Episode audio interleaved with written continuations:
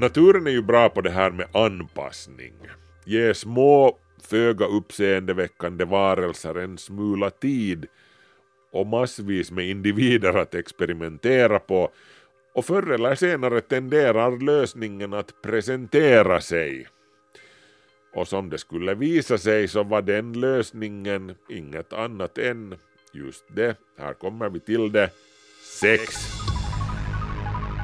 Ten, nine, ignition sequence start.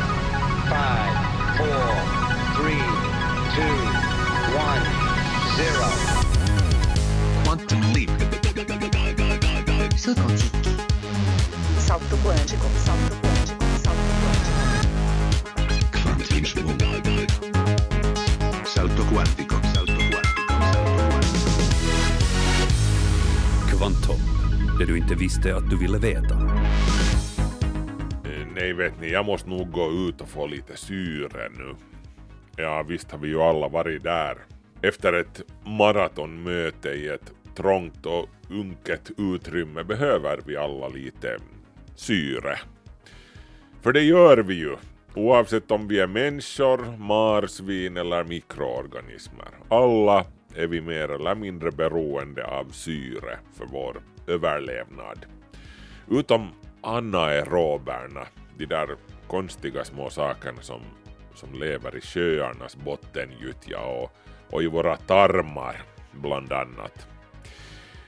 Men så här har det inte alltid varit, vet ni. Tidigare i vårvintras berättade jag om hur det gick till när jordens atmosfär fick sitt syre.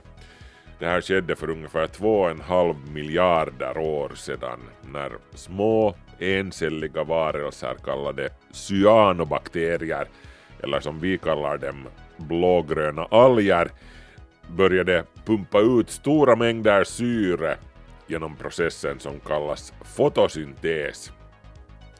Och det här ledde ju sen till den kanske värsta ekokatastrofen någonsin i, jordens historia på riktigt. 99% av allt liv på jorden utplånades. Syre var ju ett dödligt gift för allt levande på den tiden. Det motsvarar ungefär senapsgas.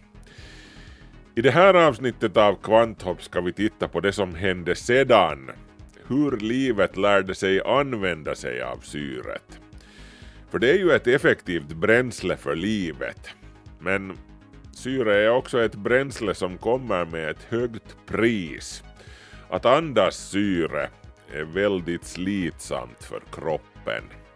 Faktum är att det tar livet av oss till slut. Det här insåg också de tidiga syreandande livsformerna när det begav sig. De insåg att de var tvungna att hitta på ett knep för att skydda sin arvsmassa mot syrets korroderande verkan.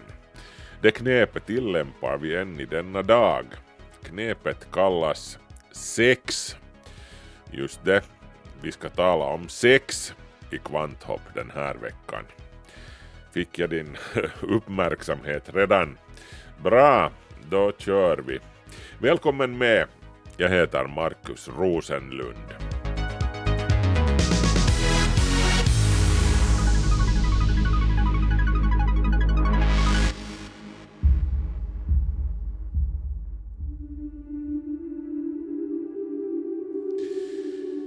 Det är en dag för 2400 miljoner år sedan.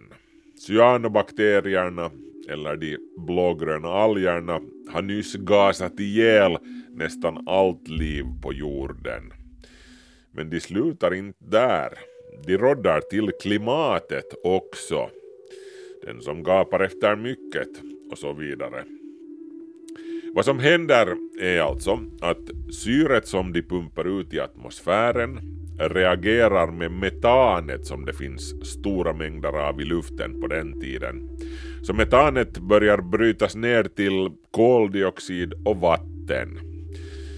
Metan är en väldigt effektiv växthusgas, mer än 20 gånger starkare än koldioxid.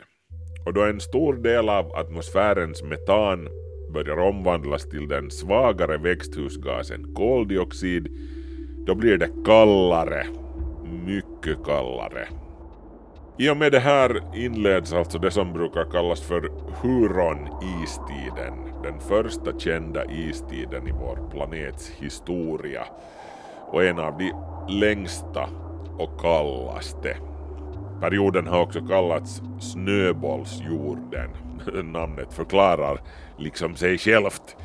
Eh, det hela pågår mellan 2,4 och 2,1 miljarder år före vår tideräkning. I omkring 300 miljoner år med andra ord. Hela jorden är vid den här tiden täckt av kilometer tjock is.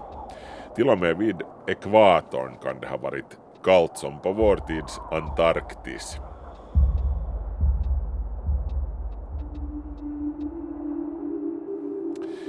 Men också den här megavintern tar slut förr eller senare, som varje vinter gör. Och tacka vulkanerna för det den här gången. Vulkaner spottar nämligen koldioxid ur sig.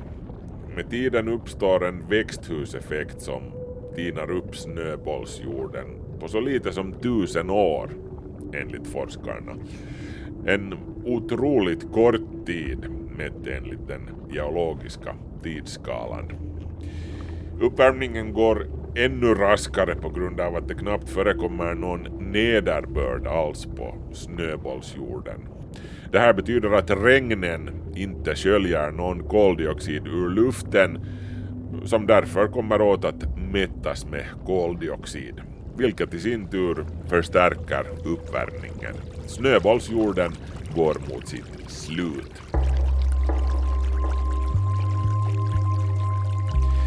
Men om jorden verkligen var infrusen från pol till pol i 300 miljoner år, hur överlevde livet?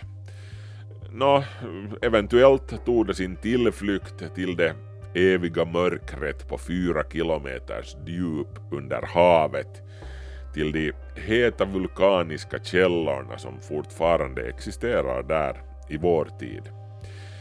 Forskarna utgår också från att det sannolikt fanns spridda pölar av smältvatten också på ytan uppvärmt av vulkanism där de ljusälskande cyanobakterierna låg och inväntade bättre tider.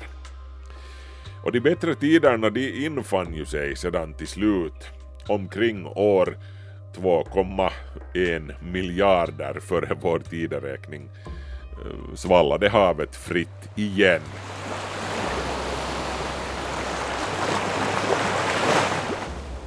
Ett mer eller mindre tomt, soldränkt hav som formligen inbjöd till att koloniseras av driftiga små livsformer. Nere i det proterozoiska urhavets dunkla djup, ja alltså den här geologiska eonen, kallas proterozoikum.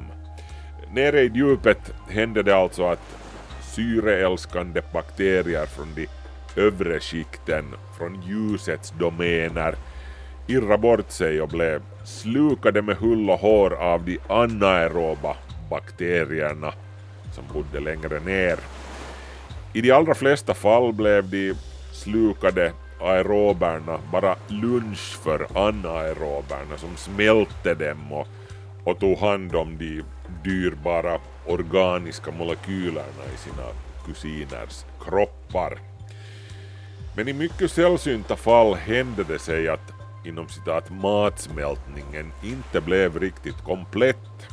Bytet överlevde inuti den anaeroba bakterien Eh, den slukade bakterien blev kvar där inne, fångad i en levande bur. Levande fångad, alltså.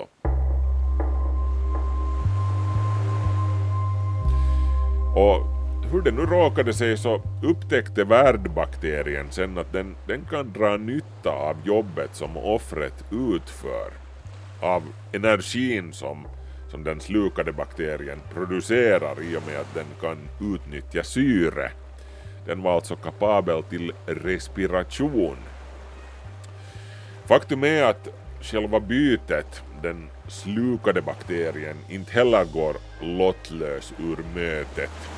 Livet inuti varelsen som slukade den är de facto tryggt och bekvämt, rena rama lyxtillvaron.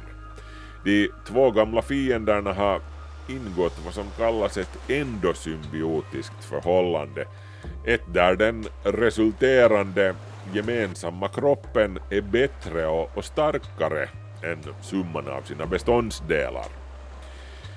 Med tiden lär de sig till och med att samköra sina förökningscykler. De är nu i praktiken en och samma individ. Det som har sett dagens ljus är med andra ord de första eukaryoterna.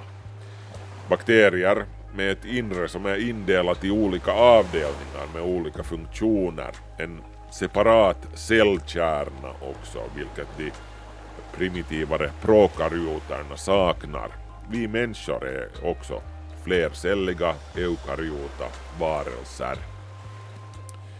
Med andra ord är vi en fortsättning på det där ömsesidiga beroendeförhållandet som började då, för länge sedan, när en anaerob bakterie käkade en aerob och matsmältningen blev lite på hälft. Arbetsrelationen som då uppstod har fortgått över årmiljarderna och pågår as we speak inuti våra egna kroppar. Vi är ju i praktiken enorma vandrande cellkollektiv, levande skyskrapor med otaliga miljarder inom citat bostäder. Och i var och en av de bostäderna inuti våra celler, det vill säga, bor den slukade bakteriens ättlingar. Vi kallar dem mitokondrier.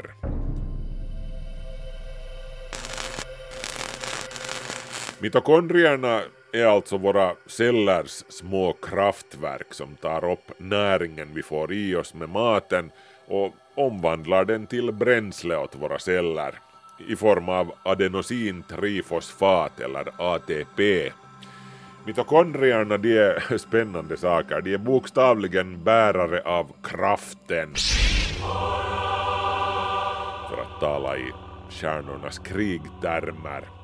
Eh, faktum är alltså att George Lucas i, i filmerna, i Stjärnornas krig-filmerna, beskriver det hela som att kraften, the force, skapas av mystiska små organismer kallade midiklorianer. George Lucas var helt tydligt vaken på biologilektionerna i skolan. Hur som helst, may the force be with you! Midichlorians are a microscopic life form that resides within all living cells. They live inside me. Inside your cells, yes. And we are symbionts with them. Symbionts? Life forms living together for mutual advantage. Without the midichlorians, life could not exist, and we would have no knowledge of the Force. Verklighetens mitokondrier är för övrigt nästan häftigare än sagoversionerna kallade Midiklorianer från Star Wars. Jag menar, tänk på det. De är alltså ättlingar till en slukad bakterie från urtidshavets djup, två miljarder år tillbaka i tiden. Och fortfarande, efter all denna tid, fortsätter de att bibehålla ett visst mått av sin ursprungliga personlighet. Äh, Mitokondrierna har kvar sitt eget DNA till exempel. Det är alltså åtskilt från vårt. Mitokondriellt DNA kallas det.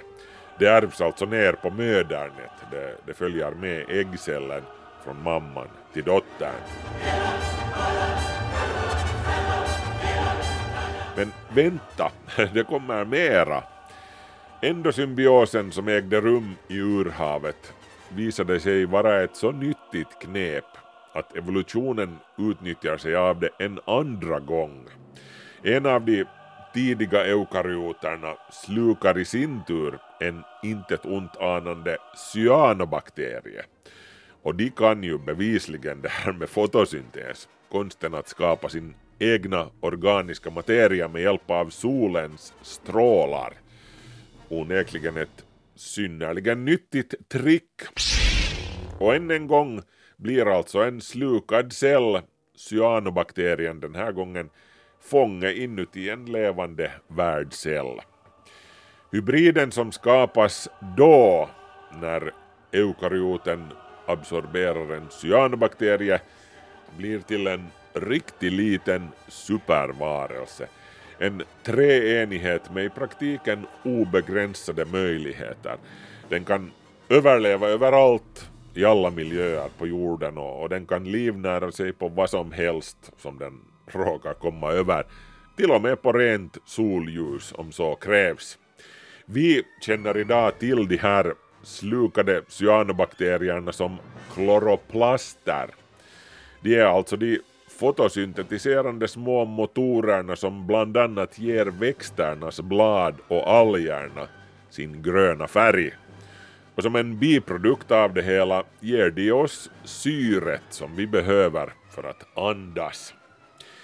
Hur som helst, i och med den här andra hybridens fullbordande var vägen till dagens växter nu utstakad. Men livet lärde ju sig inte bara att leva med syret som cyanobakterierna förpestade jorden med. Det utvecklar ju alltså ett regelrätt beroende av det syret. Och beroenden kommer ju ofta med en prislapp som vi vet. Visserligen hade ju en stor del av de överlevande bakteriestammarna efter den stora syresättningskatastrofen och den stora istiden. För att inte tala om de nya eukaryoterna, de hade ju liksom utvecklat en tolerans mot syre. Som sagt, de, de sistnämnda hade till och med lärt sig utnyttja syre för sina egna syften.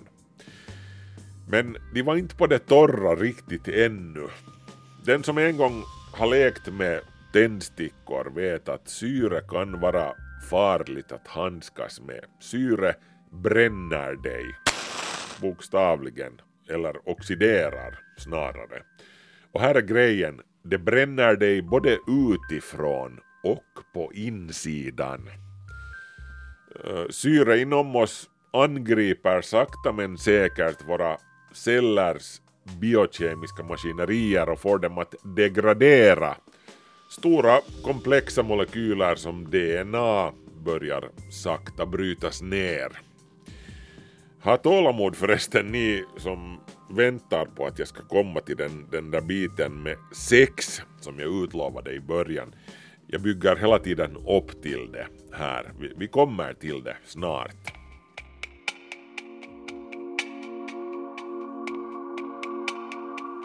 Men först måste vi etablera varför sex är nödvändigt.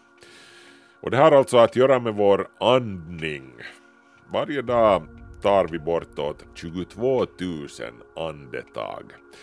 Varje gång vi andas tar vårt blod syre från våra lungor och transporterar det till alla våra celler. De använder det syret för att hålla igång vår metabolism och hålla oss vid liv. Men det här löpande bandet det funkar inte felfritt. Cirka två gånger av hundra går processen lite snett och så kallade fria radikaler uppstår. De här små radikala bråkstakarna är syreatomer med en elektron som saknar par, vilket gör dem rejält instabila och får dem att para sig med vilken lämplig atom som helst för att stabilisera sig själva. Det här inkluderar atomer från våra proteiner, cellmembran eller till och med vårt DNA de små radikala syreatomerna bidrar på det här sättet till att vi åldras. Våra kroppar bryts bokstavligen ner inifrån på grund av syret som vi andas. Dessutom leder det till sjukdomar som cancer. Det här fenomenet kallas oxidation. Det beror alltså bokstavligen på syret som vi andas. Och det är oundvikligt och det är oåterkalleligt. Rökning och, och dåliga matvanor kan sen ytterligare snabba på processen.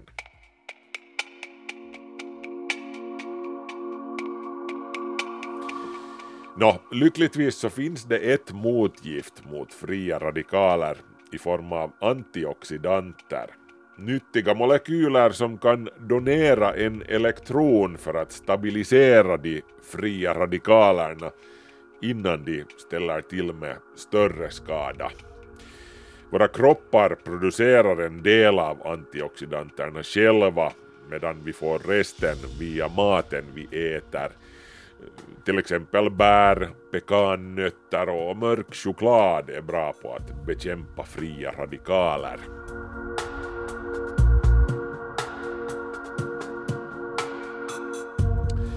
Men trots antioxidanternas hjälp är vi förut bestämda att förlora den här kampen mot syrets långsamt brinnande eld inom oss. Det här andetaget som du nyss tog håller dig visserligen vid liv för stunden, men på längre sikt dödar det dig. Dina celler åsamkas sakta men säkert så stor skada av syret som när dem att de slutligen upphör att fungera helt och hållet. För våra avlägsna pyttesmå förfäder nere i den proterozoiska eonens urocean var det här ett ännu större och, och mycket mera överhängande hot. De såg kanske med längtan tillbaka på tiden före den stora syresättningen på den nostalgiska tillvaron som anaerober utan det toxiska syrets tidsinställda bomb tickande i bröstet. Ja, skämt åsido, de var bakterier, inte såg de på någonting överhuvudtaget. Men syret innebar hur som helst ett problem för dem. De var simpla varelser, de, de förökade sig genom att klona sin arvsmassa och dela sig själva itu, celldelning med andra ord. Och eftersom dottercellens DNA då blir en exakt kopia av modercellens motsvarande molekyl är den nya bakterien också det. En kopia, en replikant. Och det här är ju helt okej okay, så länge som originalet är i gott skick. Men som vi nyss hörde så är syret ständigt där och oxiderar de delikata DNA-strängarna. Och när modercellens DNA blir anfrätt och koden skadas, då ärver dottercellen en exakt kopia av mammans trasiga DNA-kod. Felen som syret orsakar är ofta små och kanske drunknar i den stora ramsan, så dottercellen kanske kan hanka sig fram ändå. Men medan generationerna rullar vidare så ackumuleras skadorna i DNA-koden sakta men säkert tills cellen inte längre kan fungera som den ska. Klonernas kontinuitet är hotad. Det var just det här ödet som drabbade en av världens berömdaste kloner någonsin, fåret Dolly. Äh, Her name is Dolly. Seven months old, she may not be the monster imagined in a science fiction fantasy, yet the cuddly Finn Dorset lamb may represent a major landmark in the history of genetic engineering. Dolly var det första däggdjur som föddes efter att ha klonats från en cell av ett vuxet djur. Året var 1996. Cellen i fråga togs från donatordjurets juver. Sitt namn fick Dolly efter countrysångerskan Dolly Parton.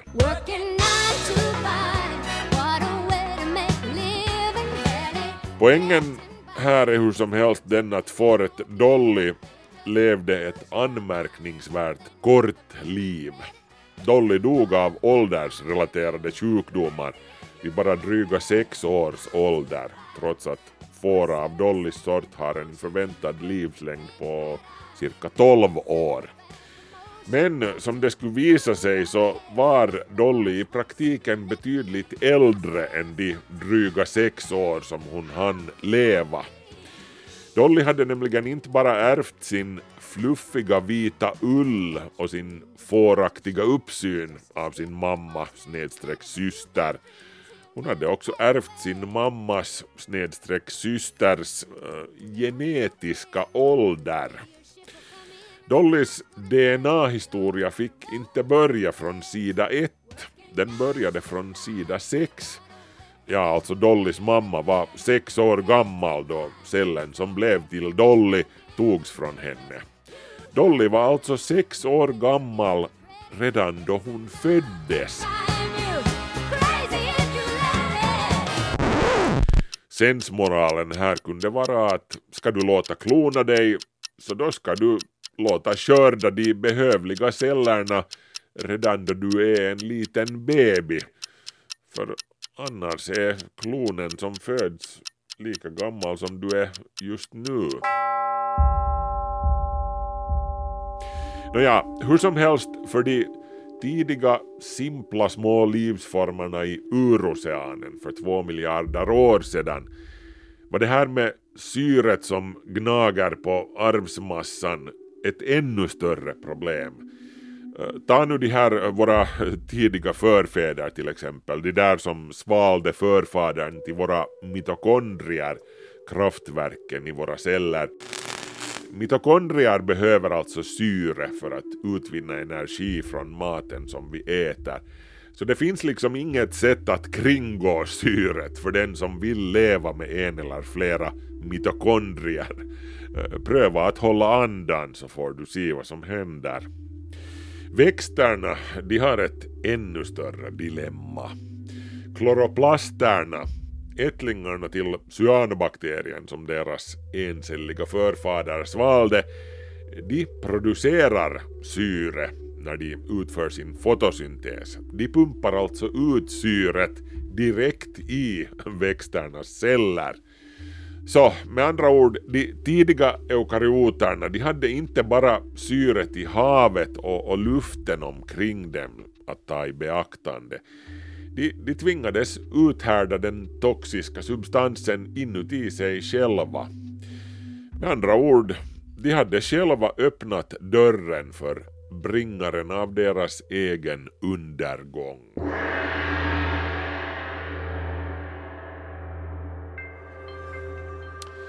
Men naturen är ju bra på det här med anpassning.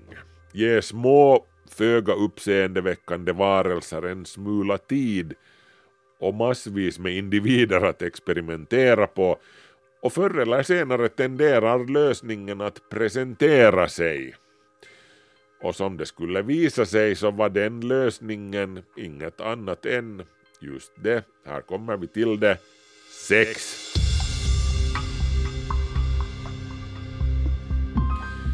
Då talar jag i och för sig inte ännu om den invecklade parningsritual som, som dagens flercelliga livsformer sysslar med.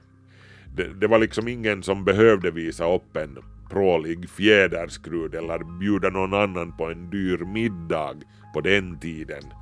Sex på bakterienivå är allt annat än laddat med erotik jag beklagar om jag nu gör någon besviken här men så är det. Bakteriesex skiljer sig de facto inte särskilt mycket från kloningsbestyret som de hade haft för sig innan. Men där fanns en viss avgörande skillnad som är central för livet som vi känner till det också för oss idag. Eh, istället för att dela hela cellen i två prydliga halvor kom urbakterierna på att de kan kopiera bara hälften av sitt DNA och knoppa av det som pyttesmå könsceller. Och de här könscellerna de kunde ju inte överleva för sig själva så de var tvungna att slå sig samman med någon annan könscell för att en gång bli till hela kompletta varelser. Och det är här alltså som vi kommer till det fina i kråksången. Den resulterande nya individen är inte en exakt karbonkopia av sin mamma. Den är en helt ny och unik individ. Dess DNA-uppsättning är en cocktail av två olika individers mammans och pappans arvsmassa. Genom att introducera ett extra steg i processen och involvera två DNA-donatorer istället för bara en skapade alltså ur eukaryoterna en sorts skyddsmekanism mot syrets frätande angrepp på deras arvsmassa. Genom att låta slumpen avgöra vilka bitar av de två föräldrarnas DNA som får plats i, i barnets genom skapades genetisk variation. Och det här ökar på sannolikheten för att den nya individen ska få friska gener i bagaget. Det naturliga urvalet bättrar sen ytterligare på oddsen för att bara så prima vara som möjligt får cirkulera i genpoolen. Med andra ord, för den nya individen kan räkneverket i den tickande syrebomben börja igen från noll.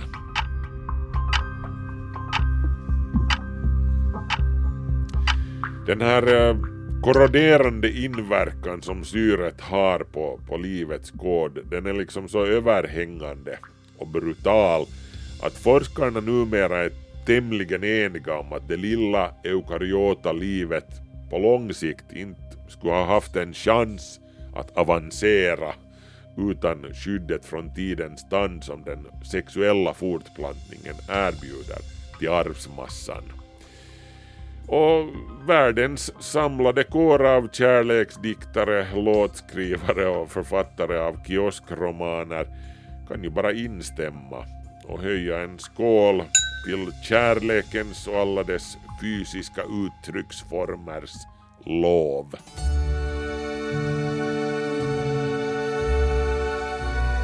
Apropå det här så, så kan vi ju kanske inte avsluta det här avsnittet utan att ägna en tanke åt en viss brittisk läkare, botanist och naturfilosof vid namn Erasmus Darwin. Hur det nu råkar sig så var han Charles Darwins farfar. Fafa Erasmus han blev berömd bland sin samtid genom att popularisera vetenskap och han gjorde det i form av episka dikter. År 1789 kittlade Erasmus Darwin den läsande allmänhetens fantasi med en smått vågad skildring av växternas liv och kärlek i explicita sexuella termer i diktverket The Loves of the Plants.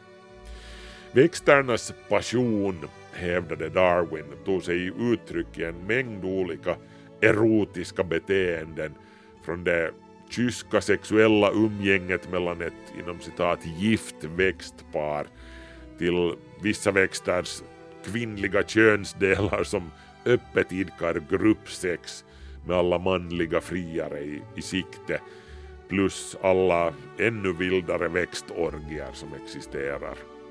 Erasmus Darwin var inte bara en av de första som skrev erotisk poesi om växternas fortplantning.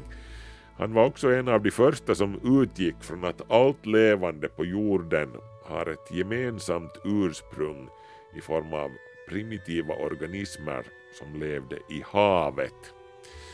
Charles Darwin han var för övrigt välbekant med sin farfars uppfattning och inspirerades av den till sin moderna evolutionslära som sen presenterades för publiken 1859. Och resten är historia som de säger. Men varken Erasmus eller sonsonen Charles Darwin kunde ana att allting började med den kanske värsta ekokatastrofen någonsin. Fast inte en som orsakades av människor utan av pyttesmå bakterier med en förkärlek för solsken mer än två miljarder år tidigare. En katastrof som först hade livet av nästan allt levande på jorden med hjälp av en dödligt giftig substans och därefter blev det överlevande livet beroende av samma gift för all framtid. Ett beroende som vi fortsätter att dras med och som i slutänden blir vår död utan undantag. Men hej, lyckligtvis kan vårt släkte undvika den totala undergången med hjälp av det där ena motgiftet som evolutionen försåg oss syreknarkare med. Som sagt, sex. Nästa gång du har lust, men inte din partner, upplys hen om det här. Eh, nej, det, det funkar aldrig för mig heller. Men hej, det är en bra story.